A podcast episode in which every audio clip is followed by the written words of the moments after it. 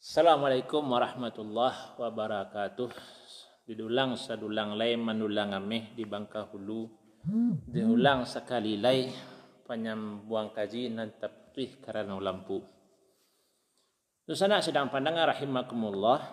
Jadi hasil dari gerakan padri salah satunya semangat beraja agama yang tinggi. Orang-orang yang tamat surau banyak yang melanjutkan beraja ke Makkah. Maka dengan jatuhnya benteng Imam Monjol 8 balik 37 bulan Agustus tanggal 4 balik secara militer padrikalah tapi secara pen, pendidikan kepada masyarakat padrilah berhasil memperkenalkan ajaran Islam ke masyarakat Minang khususnya di bidang hukum Islam. Maka salah saya padri semakin banyak orang awak pergi ke Makkah. Orang ingin lo beraja di ma dulu haji miskin beraja di mana dulu Haji Sumani ini syariat Islam orang lo pergi ke situ. Maka dari sekian banyak orang Mina yang beraja ke Makkah banyaklah yang sukses. Banyak yang berhasil menjadi ulama-ulama gadang. Di antaranya adalah Syekh Ahmad Khatib Al-Minangkabawi yang lahir di Balai Gurah di Kampuang Tuanku Nantuo sendiri tahun 1860 Beliau berangkit ke Makkah, beraja, pandai mengaji, kemudian balik ke Biaru, kemudian balik ke Makkah, balik, beraja di situ, sampai akhirnya menjadi ulama gadang di Makkah. Diberi amanah untuk menjadi guru di Masjidil Haram, diberi amanah untuk menjadi imam, diberi amanah akhirnya menjadi khatib di Masjidil Haram Makkah untuk mazhab Imam Syafi'i rahimahullah. Dan itu bawa berlangsung dalam waktu yang lama. Lebih 20 tahun beliau menjadi guru di Masjidil Haram Makkah. Dengan suksesnya beliau menjadi guru di Makkah, orang awak semakin banyak beraja ke Makkah. Karena tentu bangga awak, sangat senang awak. Pai wa haji, pai wa umrah, nambah khutbah di bawah Ka'bah itu orang kampung awak sendiri. Tuah, tumbuh, sumara, naik. Musawa alam minang kapau. Nah, lama beliau mengajar di situ, lah banyak orang awak beraja. Maka yang lah selesai mengaji beliau, mulai balik ke Minangkabau. Dan yang pertama sekali murid beliau yang terkenal yang pulang ke Minang adalah Syekh Taib Umar Sungayang Batu Sangka. Dan pulangnya murid-murid Syekh Ahmad Khatib membawa pembaharuan Islam di Minangkabau. Dan Niko dianggap pembaharuan Islam jilid dua atau pembaharuan Islam nangka dua di Minangkabau. Setelah pulang Syekh Taib Umar, beliau ambil sekolah, ambil surau di Batu Sangka. Dan beliau adakan perubahan-perubahan di tengah masyarakat. Kalau di masa Syekh Ahmad Khatib masih tulis kitab tulisan tangan beraja beliau di Biaro dulu. Beraja atas sejarah lain, Minhajul Talibin. Masih kitab Basalin. Tapi di zaman Syekh Taib Umar, lah buku-buku cetak dari Arab. Mulai kenal orang itu. Dan Syekh Taib Umar pun memperkenalkan khutbah je bahasa Melayu, je bahasa awak. Sebelumnya orang khutbah je bahasa Arab. Nah, dia adakan perubahan. Khutbah itu pakai Arab, uh, Melayu, pakai bahasa Melayu lah. Dan itu pun mempermudah dalam perjalanan dakwah. Kemudian pulanglah murid-murid Ahmad Khatib yang lain. Mulai dari ayah Buya Hamka yang terkenal. Ini DR Dr. Abdul Karim Amrullah. Pulang Dr. Abdullah Ahmad doktor kau dapatnya kemudian ya setelah beliau mengabdi di kampung halaman. Pulang nyak canduang, pulang nyak parabe, pulang nyak jambe dari Makkah banyak balik ke Makkah menjadi ulama-ulama gadang. Yang wak sabitkan itu yang terkenal, yang tak terkenalnya banyak loh. Yang jadi buya-buya di kampung saja atau yang membantu-bantu nyak canduang, yang membantu nyak parabe, yang membantu uh, Dr. Abdullah Ahmad pun banyak alumni Makkah cuma tak terkenal, tak menonjol. Maka setelah tahun 1900-an, banyak sekolah-sekolah di Minang. Nah, yang dibangun oleh alumni-alumni Makkah. Dan dibuat oleh organisasi. Ada organisasi seperti Persatuan Terbiak Islamiah, Nyak Canduang, Nyak Jaho, Syekh Makhudum Solo, Syekh Abbas Ladang Laweh. Nah, organisasi itu mempunyai lembaga pendidikan yang sangat banyak. Tiap-tiap negara dibuat tarbiyah Islamiah. Tahun 1925 datanglah Muhammadiyah ke Minangkabau. Dan langsung Allah berkembang di Minang. Banyaklah lembaga-lembaga Muhammadiyah di Luhak Nantigo. Sampai ke pelosok-pelosok negara didirikan sekolah-sekolah Muhammadiyah. Kemudian muncul organisasi Tawalib. Berdirilah beberapa sekolah Tawalib. Atau sekolah yang lah ada, bergabung ke Tawalib. Tawalib Padang Panjang. Dan di Padang Panjang adalah Tawalib Gunung. Berdiri 8 balih 21 di samping Tawalib yang gadang. Tawalib Bukit Tinggi sampai ke Kampar ke Bangkinang ada Tawalib Darun Nahdah. Itu oleh alumni-alumni yang beraja dari Minang ambil uh, pesantren di Kampar Bangkinang dan Bangkinang itu sewananya masuk Minang. Itu yang disilahkan dengan Dunsana dan Balimo. Salo, Ayatiri, Rumbio, Aduh lah ya, itu Dunsana dan Balimo. Pendengar rahimakumullah. Maka sebelum kemerdekaan dari 9 balih 10 sampai 9 balih sampai 45 itu dianggap puncak pembaharuan atau perkembangan ilmu-ilmu keislaman di Minangkabau. Sekolah-sekolah banyak berdiri. Dan berdiri lo tawalib dan berdiri lo diniah putri Padang Panjang. Sekolah yang khusus mempelajari agama, mempelajari keterampilan dikhususkan untuk padusi.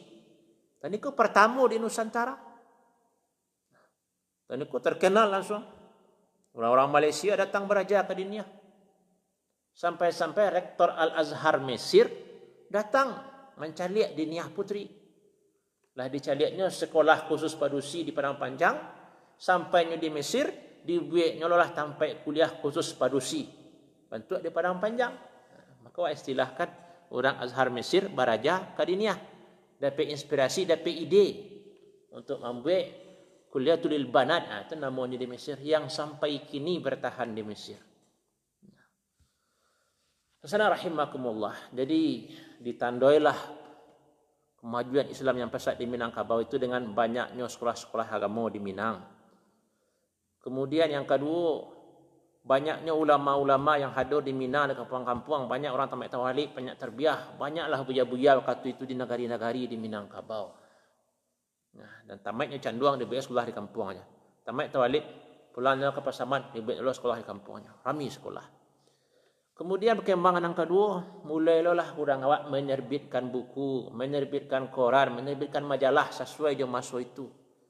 Ada Al-Munir, Al-Bayan, Tawalib ada majalahnya, Terbiah ada majalahnya, Muhammadiyah ada lo buletinnya. Berkembang dengan pesat termasuk perdagangan kitab-kitab agama sangat maju di Minang. Coba bayangkan tahun 9 balih 30 saya Ibrahim Musa Farabek lah punya toko kitab di pasar bawah Kit Tinggi. Dan yang dia jual tu termasuk kitab yang kadang-kadang kitab Nailul Autar sampai Mizanul I'tidal, Subulus Salam. Masuk kitab-kitab Al-I'tisam karangan Imam Ash-Shatibi. Zaman itulah dibaca oleh buya-buya di Minangkabau. Sementara kini mungkin jarang buya-buya yang punya kitab Nailul Autar. Jarang ustaz-ustaz tu nama baca karya Imam Ash-Shatibi. Ya, buku-buku banyak. Dan pengelolaan lembaga pendidikan sangat bagus di Minangkabau setelah pulangnya Mahmud Yunus dari Mesir. Kalau yang lain-lain belajar ke Mesir itu mempelajari tafsir, hadis, fikih, kalau Mahmud Yunus di samping mendalami agama, dia mendalami ilmu pendidikan. Nah, beliau rancanglah kurikulum yang bagus sesuai dengan kemajuan kemodernan. Bahkan di zaman itu salah satu mata kuliah mata pelajaran orang di Minang adalah masalah bid'ah. Ya kalau kini kan orang takwib nah kata-kata bid'ah itu sebagian ya. Dulu di Minang di masa pembaharuan Islam itu sangat terkenal, ya bid'ah itu menjadi mata pelajaran. Makanya kalau baca biografi Syekh Taib Umar yang merupakan guru dari Muhammad Yunus sebelum berangkat ke Mesir, itu ide lah ide pembaharuan. Salah satu dakwah beliau adalah menentang bid'ah bid'ah kurafat-kurafat yang ada di kampung-kampung. Itu juga saya Jamil Jambek, buya-buya yang lain. Jadi di Mina waktu itu ada alumni Makkah, ada alumni Mesir. Jadi para lulus singgah balik. orang Nusantara, Indonesia, Malaysia, Thailand, Filipina yang pertama sekali berada ke Mesir itu orang awak, Syekh Tahir Jalaluddin. Ya, dan sana ibu dari Syekh Ahmad Khatib. Yang lebih muda 10 tahun dari Ahmad Khatib. Mulanya nyampai ke Makkah, di Makkah kemudian pergi ke Mesir. Orang awak pertama berada ke Mesir. Walaupun ada dalam versi lain disebutkan ada lokia dari Jawa yang berada Mesir. Ya. Cuma yang cukup terkenal itu Syekh Tahir Jalaluddin. Dan setelah Azhar Mesir dimodernkan, pakai ijazah, pakai gelar, yang pertama jadi sarjana di Mesir itu memang orang awak. Itu sepakat, tak ada beda-beda. Yang pertama kali sarjana dari Azhar Mesir ya, setelah Al-Azhar itu bentuk universitas dimodernkan adalah Syekh Janan Taib dari Syariah Sungai Pua Bukit Tinggi. Cuma beliau pun tak pulang di Mesir, tak pulang ke tanah air, tapi beliau banyak uh, berdakwah, mengembangkan agama di Makkah. Maksud perkara raja di Masjidil Haram Makkah. Mengapa tidak balik pulang? Karena kawan-kawan beliau yang balik pulang itu kadang dicurigai oleh Belanda. Karena tadi lawak sabui ke Majlis Islam di Minangkabau banyak sekolah, banyak buya-buya, kemudian majunya percetakan penerbitan di Minangkabau. Nang kampeknya tak kait jasa jalan taib tadi. Alumni-alumni Mesir lah bergerak di bidang politik. Maka didirikanlah yang namanya Permi Partai. Yang mendirikan alumni Azhar. Ya, Mukhtar Lutfi Ilyas Yaakob. Tapi tidak lama umuanya ha, lah ditangkap oleh Belanda dibuang ke Bafendigul 10 tahun lamanya dikurang di situ. Nah, kalau takut Belanda karena orang-orang Minang yang beraja di Azhar itu aktif di politik internasionalnya mengarati perkembangan zaman nah, itu yang ditakutkan oleh Belanda makanya singkit umur organisasinya dan langsung dibuang ke oh, Papua oleh Belanda. Sana senang pandang rahimakumullah. Kemudian kemajuan yang terjadi di Minangkabau sebelum kemerdekaan itu, ulama-ulama Minang mulai mengarang kitab. Mengarang kitab surang untuk di sekolah surang. Jadi tidak memakai buku-buku yang dikarang oleh ulama Makkah, ulama Madinah. Ha. Jadi buku karang kitab-kitab ulama tetap dipelajari ditambah dengan kitab-kitab yang ditulis oleh ulama Minang sendiri dalam bahasa Arab. Jadi bahasa Arab itu dulu masyhur di Minang banyak orang yang pandai bahasa Arab. Makanya bahasa Minang tu kini awak orang Minang ko tanpa awak sadari seribu kosakata Arab tu lah dia awak. Lai paham amak nanyo, lai nafsu. Itulah dari bahasa Arab sadonya do paham makna nafsu kalau awak berundiang dan dia malah pecah. Ya. Jadi mukaswi adalah sampai. Nah maksud tu bahasa Arab. Ya. Amani keinginan itu jadi dari bahasa Arab. Bapi apa jago fiil itu bahasa Arab. Jadi awak nak sekolah oh, agama yang tak pernah belajar bahasa Arab tanpa awak sadari kalau lai gadang di Mina mengecek bahasa Minang lemu banyak kata Arab tu lah kita pakai di awak dalam kehidupan sehari-hari. Nusana pandangan rahimakumullah. Jadi sebelum kemerdekaan ilmu keislaman berkembang di Minangkabau. Kini wak cari sudah kemerdekaan yang patang wak duit judulnya kemunduran Islam di Minangkabau. Di mana tak mundurnya? Kalau sebelum kemerdekaan itu yang memacu ulama itu untuk memajukan Minangkabau salah satunya ada istilahnya kaum tua kaum muda ya. Yang pacu-pacu memajukan. Kaum muda apa yang banyak ide-ide pembaharuan.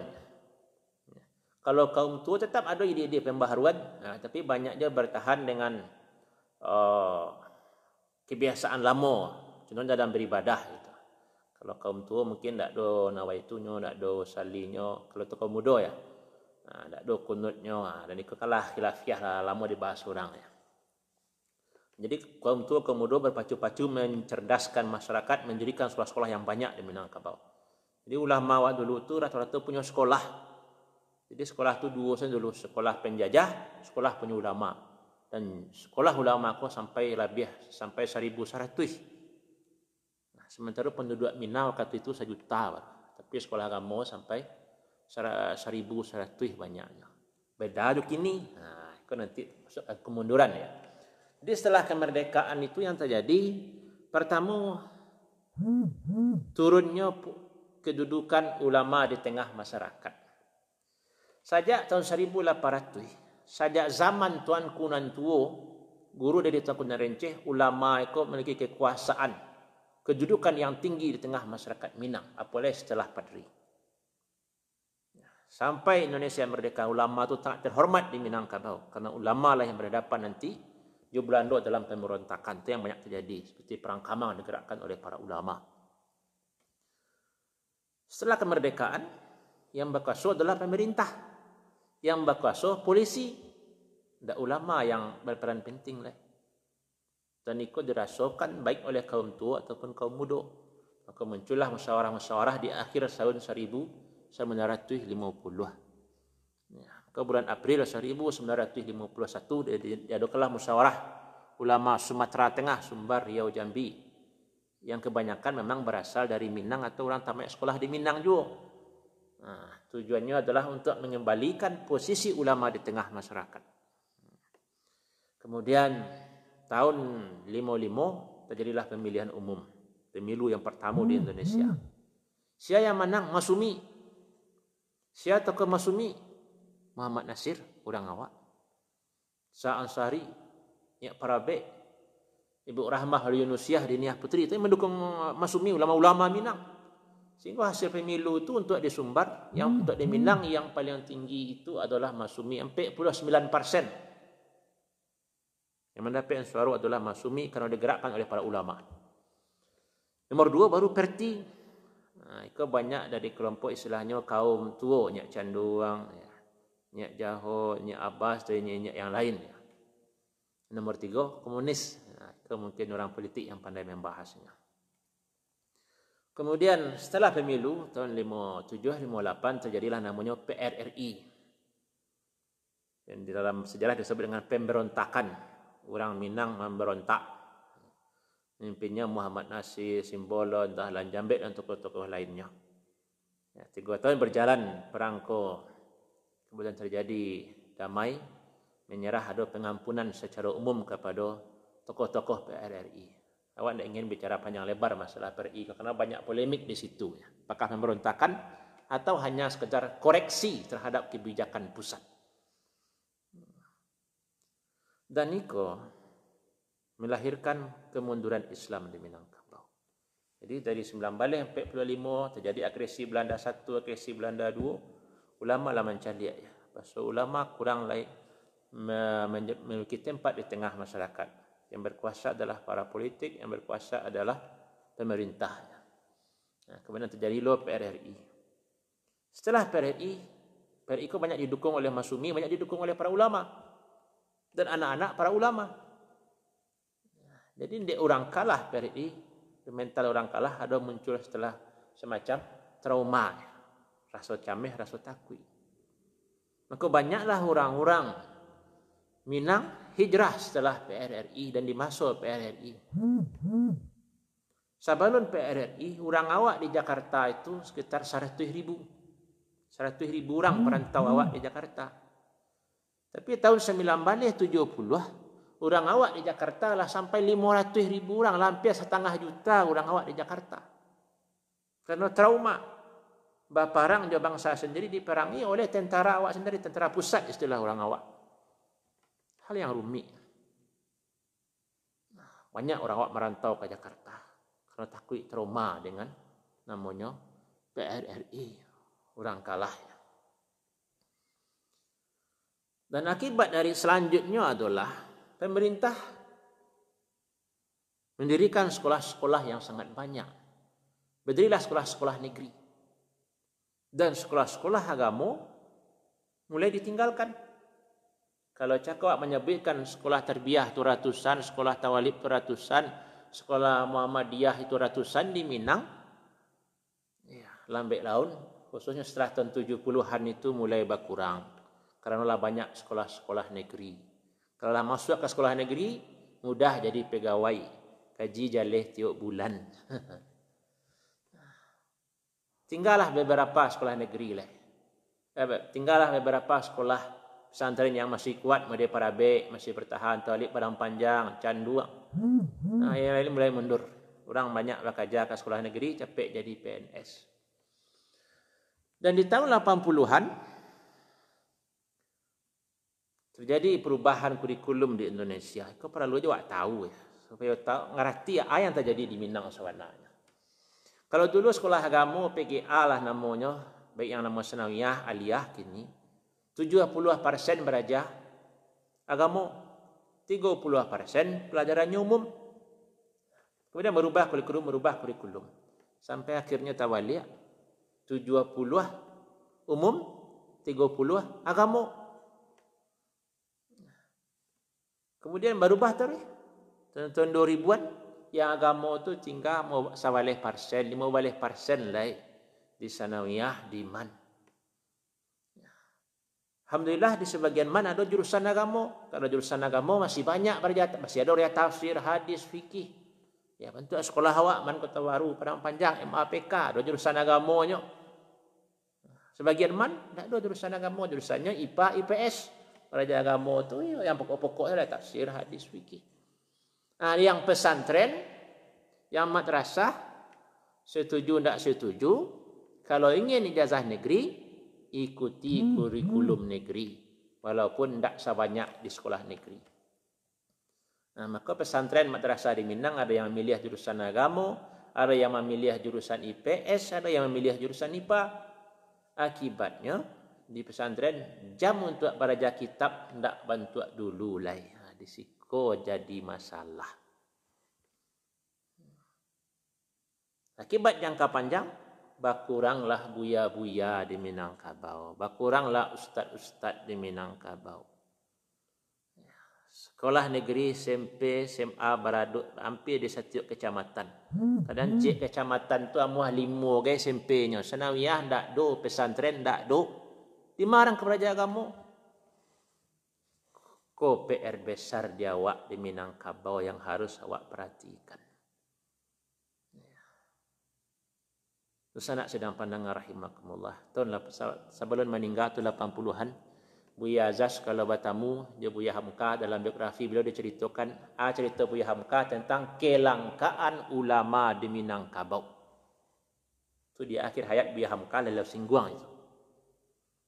Mungkin di tahun 50-an, 60-an Buya Hamka mengkritik orang Minang kok sekolah agama saya sadonya seolah-olah ingin jadi Buya Hasil sadonyo. Ha, itu disampaikan oleh Buya Hamka. Itu tahun 50-an, tahun 60-an kata-kata Buya Hamka. Tapi tahun 80-an, justru Buya Hamka baca itu kelangkaan ulama di Minangkabau. Karena orang-orang didikannya candongnya, parabeknya jauh sudah PRI, inilah hilang kerantau. Orang-orang Minang lah banyak yang jadi PNS. Tak masuk alumni-alumni Mesir, banyak yang jadi dosen. Dosen di Riau, dosen di Jakarta, dosen di IAIN di Jogja tak masuk Mahmud Yunus sendiri nak jadi pegawai Departemen Agama Pusat. Orang Minang tu tu 90-an 80-an banyak loh yang jadi hakim pengadilan agama dari Aceh sampai ke Sulawesi. Di sekolah tu yang maju di Minang. Jadi oranglah sibuk dia PNS adolnya lah jadi hakim lah jadi dosen pergi keluar daerah sampai ke Kalimantan alumni Makkah alumni Mesir menjadi dosen menjadi kantua Departemen Agama ah, yang di Minang sendiri berkurang. Dan anak baru muda Minang banyak ke sekolah umum. Tak minat lah ke sekolah agama. Tak minat ke pesantren. Itu permasalahan awak.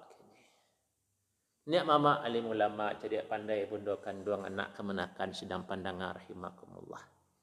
Ah itulah sejarah awak. Perjalanan Islam di Minangkabau secara singkat. Kini bakamuko balai nasib Islam di Minangkabau. Kalau bertahannya kondisi kini, kini wak gambarkan. Kalau di kota-kota, mau di Bukit Tinggi, mau di Padang Panjang, kota Payukumbuh, mungkin agama itu nampak semaraknya banyak pengajian-pengajian, banyak pondok-pondok tahfiz.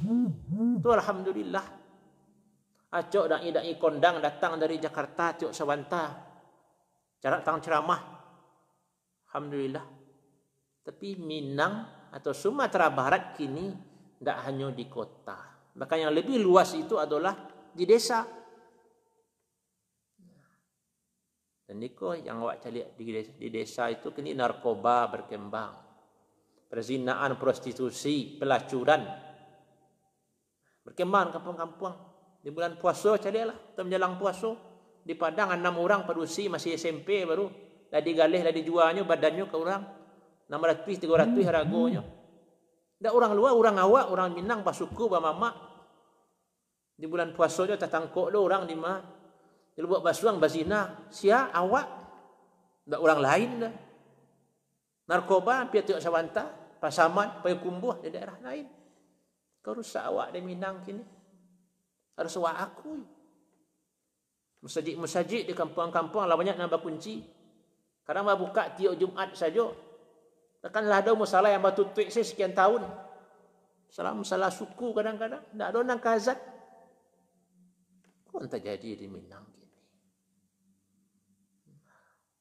Dan masih banyak kalau ceritakan mana. Jadi mencari Islam di Minangkabau itu tidak ke kampung-kampung apa kondisi. Lihat dua azan orang lima katu. Maka untuk mempertahankan Islam di Minangkabau itu setidaknya ada empat hal yang acok ulang-ulang yang harus lakukan. Yang pertama, orang Minang harus menyadari kelangkaan buya-buya di kampung. Kelangkaan ulama, orang yang tahu juga agama dan bisa bergaul di masyarakat kampung tahu masalah yang ada di kampung kalau istilahan kekurangan ulama kadang terlampau barik nah bahasa ulama Pak sederhana kalah kurangnya buya-buya di kampung yang akan mengeduikan surau. Dia akan membuka pengajian-pengajian, kaji tafsir, kaji makna. Kadang datang ke kampung kata orang bila ada pengajian mak waktunya ke orang kampung. Laba tahun tak ada ustaz. Kadanglah bayuran orang kampung untuk mempuan pitih untuk mengundang ustaz lah. Tempat pitih 250 ribu, 300 ribu untuk mengundang ustaz uh, ustaz nan bisa had, pergi ke kampung lah yang tak ada. Karena kampung tu jauh. Jadi yang pertama sekali yang harus dilakukan untuk mengubah Minangkabau, orang Minangkabau harus menyadari kelangkaan ulama di kampung-kampung. Ya, lah sadar nanti maka yang perlu dilakukan bawa tu melahirkan buya-buya kampung balik. Bawa melahirkan ulama-ulama di setiap negari, marato di Minangkabau itu yang harus diusahakan. Al ulama warasatul anbiya. Ulama itu pewaris nabi. Hanya akan membina umat, mengarahkan umat. Maju mundur Islam sangat tergantung dengan kehadiran ulama yang ada di tengah kampung itu. Ya, walaupun kinilah banyak ceramah di YouTube, di internet, ya, channel-channel dakwah, TV dakwah. Itu untuk orang yang lah sadar, untuk orang yang lah insaf dimamai duit BKMT itu untuk orang pensiun namanya. Orang-orang lah tua. Nah muda-muda. Nah remaja. Bila hanya mendapatkan siraman rohani. Bila hanya mendengar-dengar pengajian. Yang bisa menyentuh orang tentu orang yang ada di kampung buya-buya yang ada di kampung. Walaupun ada tabligh akbar datang orang sekian ribu, sekian ribu, ustaznya kondang, lawak, terkenal, banyak hafal Quran, banyak hafal hadis. Siapa yang hadir? Orang yang punya waktu, orang yang peduli, orang yang ada kesempatan. Yang lain-lain, yang tinggal di kampung, yang tinggal di daerah, bila dia akan mendengar ceramah? Bila dia sempat seperti itu? Ya, itu yang pertama. Harus ada kesadaran masyarakat tentang kelangkaan buaya-buaya di kampungnya yang diiringi dengan harus ada usaha untuk melahirkan para ulama. Termasuk pejabat-pejabat, tokoh-tokoh masyarakat. Kadang awak menyebut adat basandi syarak-syarak basandi kitabullah. Syarak mengatur adat memakai setiap acara-acara yang disabitkan. Tak mungkin adat basandi syarak-syarak basandi kitabullah akan jalan kalau tak ada buaya di kampung. Kalau azan lima waktu tak ada tadanga di musaji. Badat kebacaan di syarak-syarak kabasandi kitabullah kelangkaan ulama di nagari harus menjadi PR masyarakat Minang. Para tokoh harus memikirkan hal itu. Yang kedua, masih terkait yang pertama, lembaga-lembaga pendidikan Islam itu harus dikuat. Mulai dari MDA, TPA. Kalau di kota yakin awak MDA, TPA-nya bagus. Oranglah banyak yang hafal Quran, juz amma, juz 1, juz 2. Bagus MDA, TPA. Tapi yang di kampung, kena niko yang banyak masih ada baru gaji guru tu jo bareh gaji guru tu jo padi coba bayang kalau bisa saya bayang dewa model lah kira-kira akibatnya ada yang betah jadi guru ada yang tak betah karena nya mikir keluarganya anak bininya Jadi pengalaman awak diadukan pelatihan guru MDA di kampung. Tahun besok datang ke kampung tu. Gurunya lah batukar lah. Batu hanya nak lo betah lah. Ha, lain tu nak majah. Apa itu tahun sudah tu ala lain lu gurunya. Tu kondisi kampung-kampung di Minang. Jadi kalau ndak awak yang peduli je masalah-masalah muda itu sial eh. Ya, kalau awak awak nak mendengar aku, awak yang hadir kini ndak lo peduli sial lah ya kamu mikir masalah kau. Karena salah satu gaya hidup orang kini sibuk jadi diri seorang. Tak do rasu agama, rasu PK tu kan tak boleh. Azan tak azan orang di musajid tu tenang saja. Ada tak do pengajian di kampungnya tak pernah tak tak cik Allah je dia.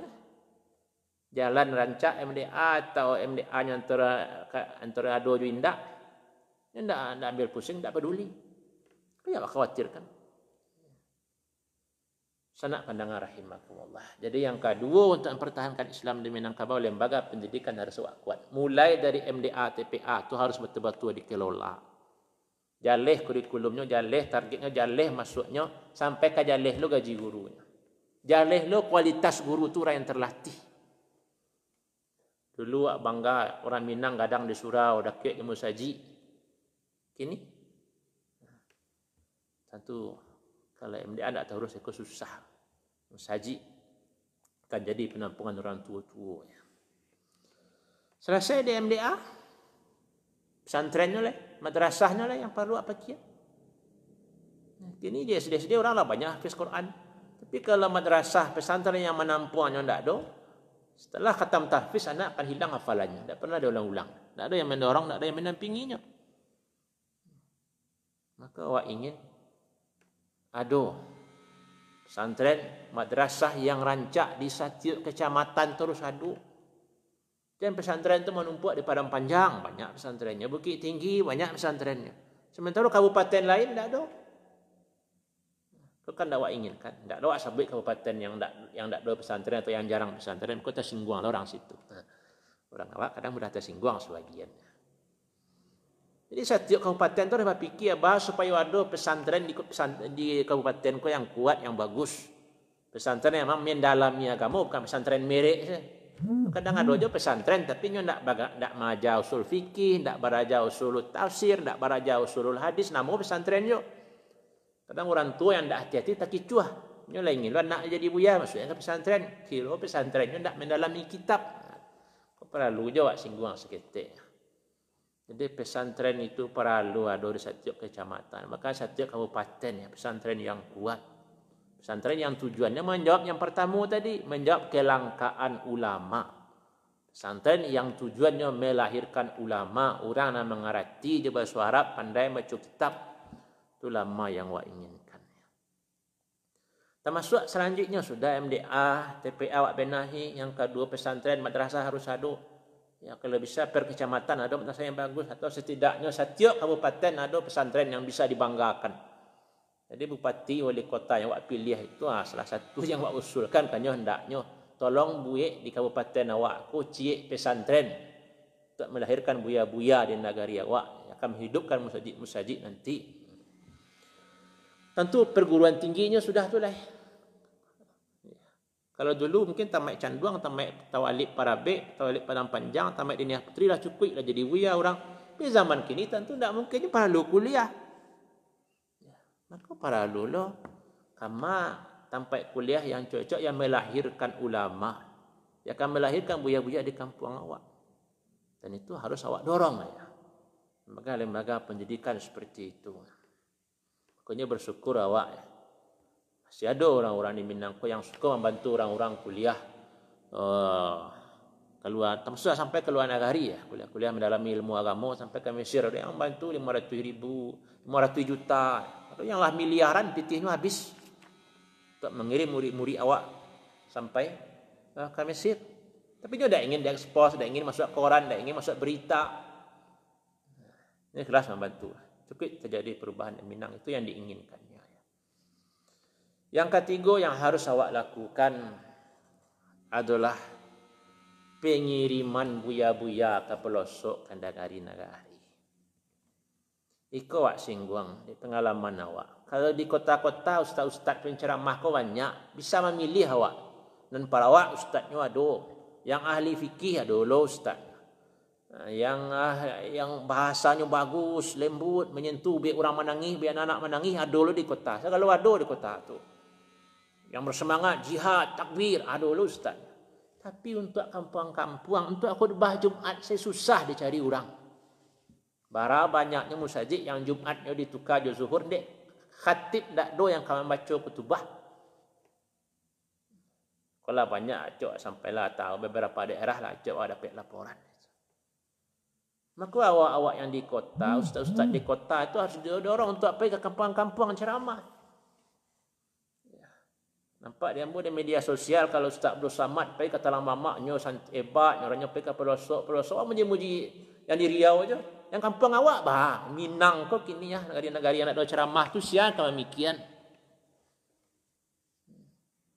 Jadi di daerah awak banyak daerah-daerah yang nak ada pengajian, yang Jumat batuka jo, zuhur dek khatib tak do, orang kampung tak do yang pandai menggantikan.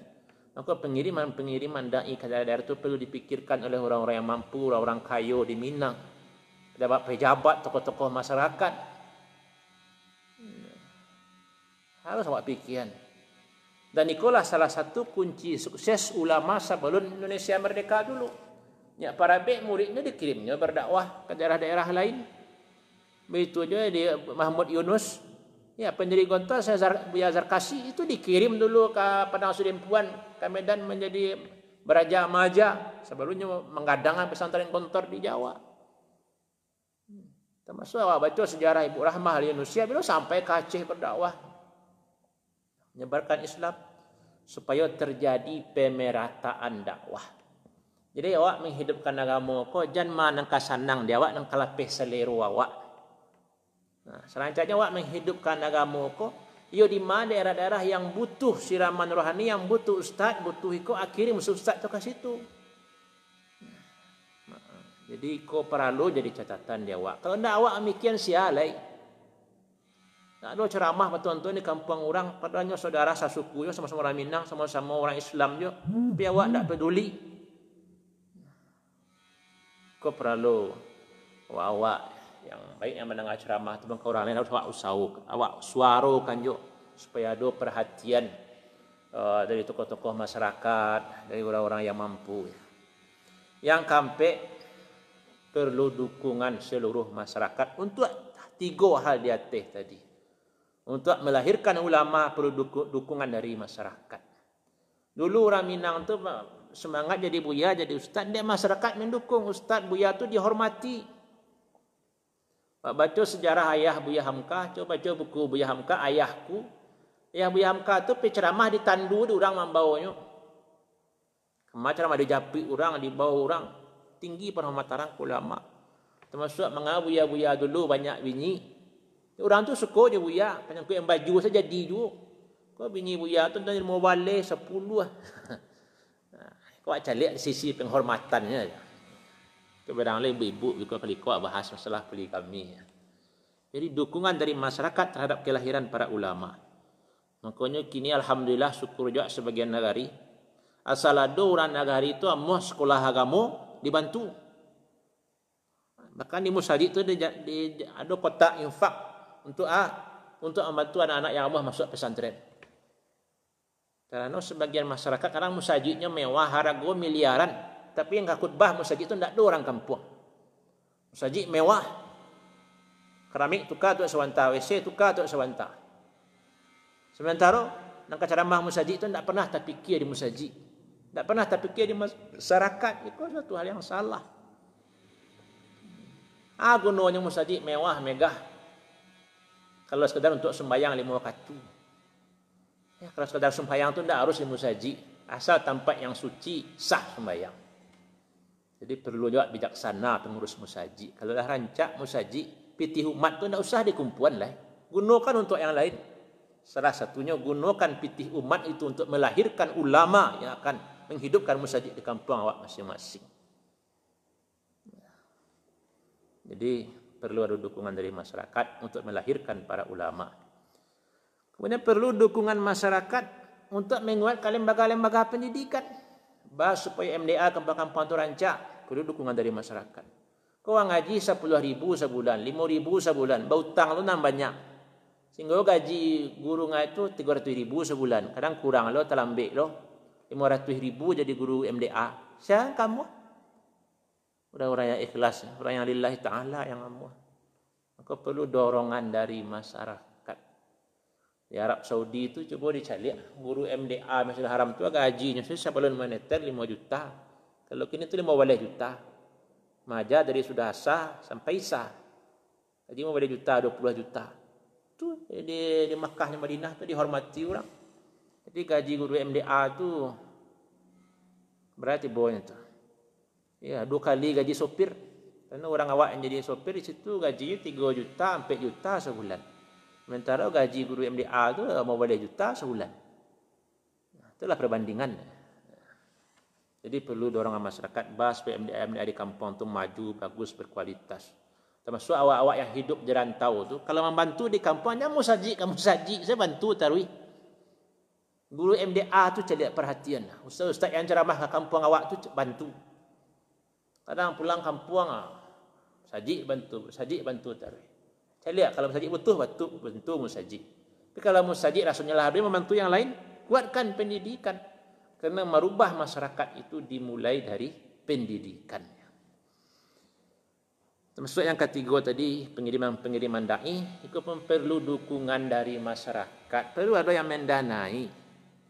Tuanku Imam Bonjol dulu tiga orang kadernya dikirimnya ke Makkah di zaman itu. Barakah susah orang pergi ke Makkah zaman parang tu. Tuanku Imam Bonjol mengirim Tuanku Tambusai ke Makkah untuk beraja. Makan bau tang lo Tuanku Imam Bonjol lah. Agar lahir je ulama di, di kadar lanjut dakwah tuanku Imam Bonjol sampai muda tuan. Dan sanak sedang pandangan rahimakumullah. Jadi kolah panutui kaji awak tentang Islam di Minangkabau, sejarah Islam di Minangkabau. Kaji awak semua awak dia cara awak. Dia bahasa awak lelai. Nanti sampai ni masalah yang awak ada ikini. Jadi harapan ambo kawak yang ikut mendengarkan nama cari rekaman niko. Marilah awak sama-sama peduli de kondisi umat Islam di Minangkabau secara umum. Carilah musajid-musajid yang tak kunci, musalah-musalah yang tak pernah difungsikan. Ada yang tak tersentuh awak atau tidak. Carilah kampung-kampung yang tak punya buya, yang tak punya ustaz. Sehingga kadang menyelenggarakan jenazah dia cari orang di kampung lain. Kadang Jumat ditukar dengan zuhur dia ada orang ke ketubah. Tersetuh tak awak. Kemudian cedeklah berita-berita yang awak dengar. Yang namanya perzinaan, narkoba, pergaulan bebas, perceraian di rumah tangga baraka banyaknya di Minang. Bawa ke hati awak, peduli awak malam yahtamu bi amril muslimin falaisa minhum. Siapa tidak peduli jurusan kaum muslimin bukanlah termasuk kaum muslimin. Ya. Awak harus mencintai saudara awak seperti mencintai diri sendiri. Boleh awak pantun usali minang kabawa dari dulu awak dengar. Kalau paku kacang balimbiang tampurang lenggang lenggok kan dia bawa nak orang kasurasu anak dipangku kemanakan di bimbiang orang kampung dia patenggang kan tenggang kampung jangan binaso binaso masalah dunia akhirat. Jadi kalau datang ke kampung tu nampak dia rumah mewah rancak-rancak lah kayu-kayu orang oto banyak rumah bacingke musaji gadang. Lah bersyukur wa alhamdulillah. Tapi wa pikir le rami orang sembahyang di musaji ko dan mudah-mudah le tahu jo surau.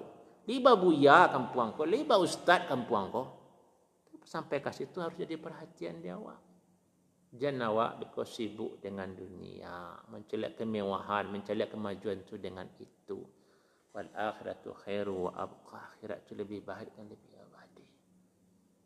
Ini dosa nak sedang pandangan. Marilah awak sama-sama peduli di kampung halaman awak. Ah, yang bisa awak lakukan, awak lakukan.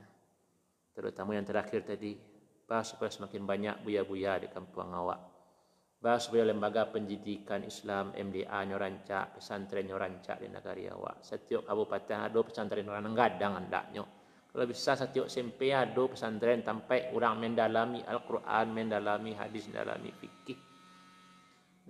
Kemudian yang ketiga tadi, kalau ada awak yang punya pitih nan banyak, punya kekayaan, ah, kirimlah buaya-buaya yang banyak di kota yang itu untuk pergi ke kampung-kampung, ke pelosok untuk berdakwah. Kalau ada musajid yang lah mati di kampung awak, gaji orang untuk azan, untuk imam di kampung tu. Ya. Jadi kau gadang pahalanya daripada awak pergi umrah sekeluarga ulang-ulang juga Makkah.